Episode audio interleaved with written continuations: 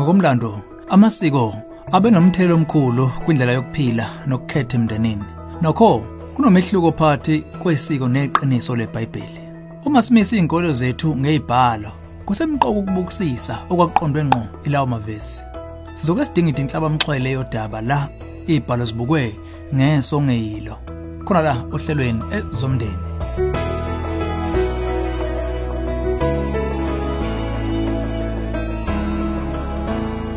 Angikubingelele ezomndeni uhlelo lokulethela izeluleko eziphathekayo ngaba ka focus on the family. Umzali okhathazekile usibhalela umbuzo. Ngingalivumela itshitshi lami ligqoke ibhulukwe. Ngakhulisa ekhala abazalwane abanomthetho la khona kwakugcizelelwa ukugqoka ngesizotha kwamantombazane. Ukusho ngqo, uma wami wangenza ngiqonda ukuthi amantombazane akumele agqoke ibhulukwe. Owesifazane makangagqoki kwendoda nendoda mayengembathi ingobo yesifazane. Ngokuba yilowo nalowo okwenza lokho uyisinengiso kuJehova uNkulunkulu wakho. Deuteronomy 22 verse 5. Kulezi insuku abesifazane sebegqoka amabhlukwe hayi nje ekhaya kuphela kodwa naseyinkonzweni. Lokho kuyangidabukisa futhi kuyangidida.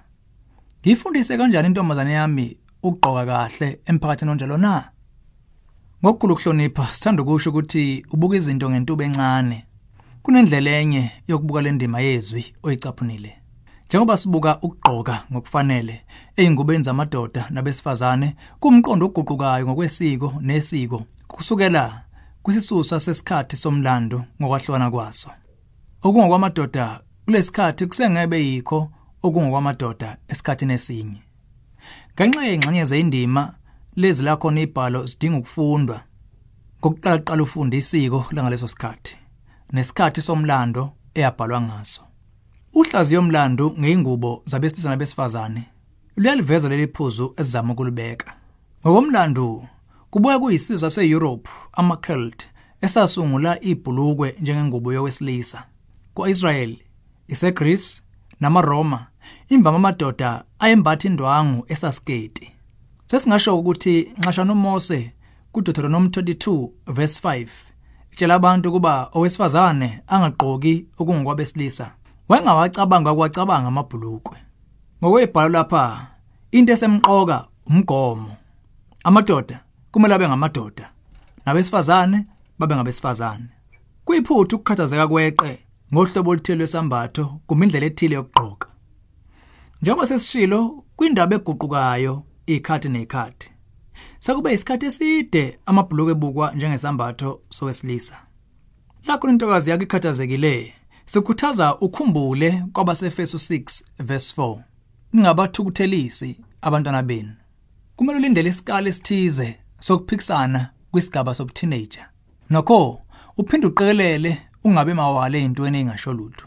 Uma ungenakho ukuhlukanisa, ungagcina usumenza ahlubuke undodakazi wakho kungenasidingo. Okusemqoka leminyaka yobuthini evuthayo.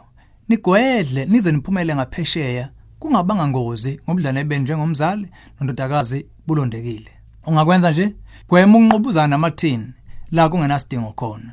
Ngakho ungakhathazeki kweqe ngewardrobe yentombazane yakho. Yebo, ingubo ebhalwe udlame nemibhalo emibi kumele ilahlwe. Nalezo futhi abesifazane ezenza umzimba ukhanukise abesilisa.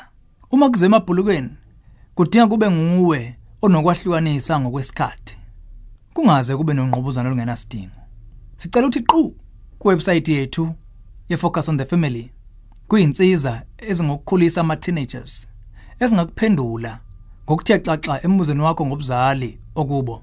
I-address ithi safamily.co.za. Ukhumbule ukuthi ukuba nolawulo kweqe kwi-teenager kungaba nomthelo omubi ngakho zama ukubala amagxathu akudingayo. Lolu hlelo ezomndeni ulethulelwe yi-Focus on the Family sihlangabezwa hlelo luzayo sesihlabelisa phambili umndeni wakho.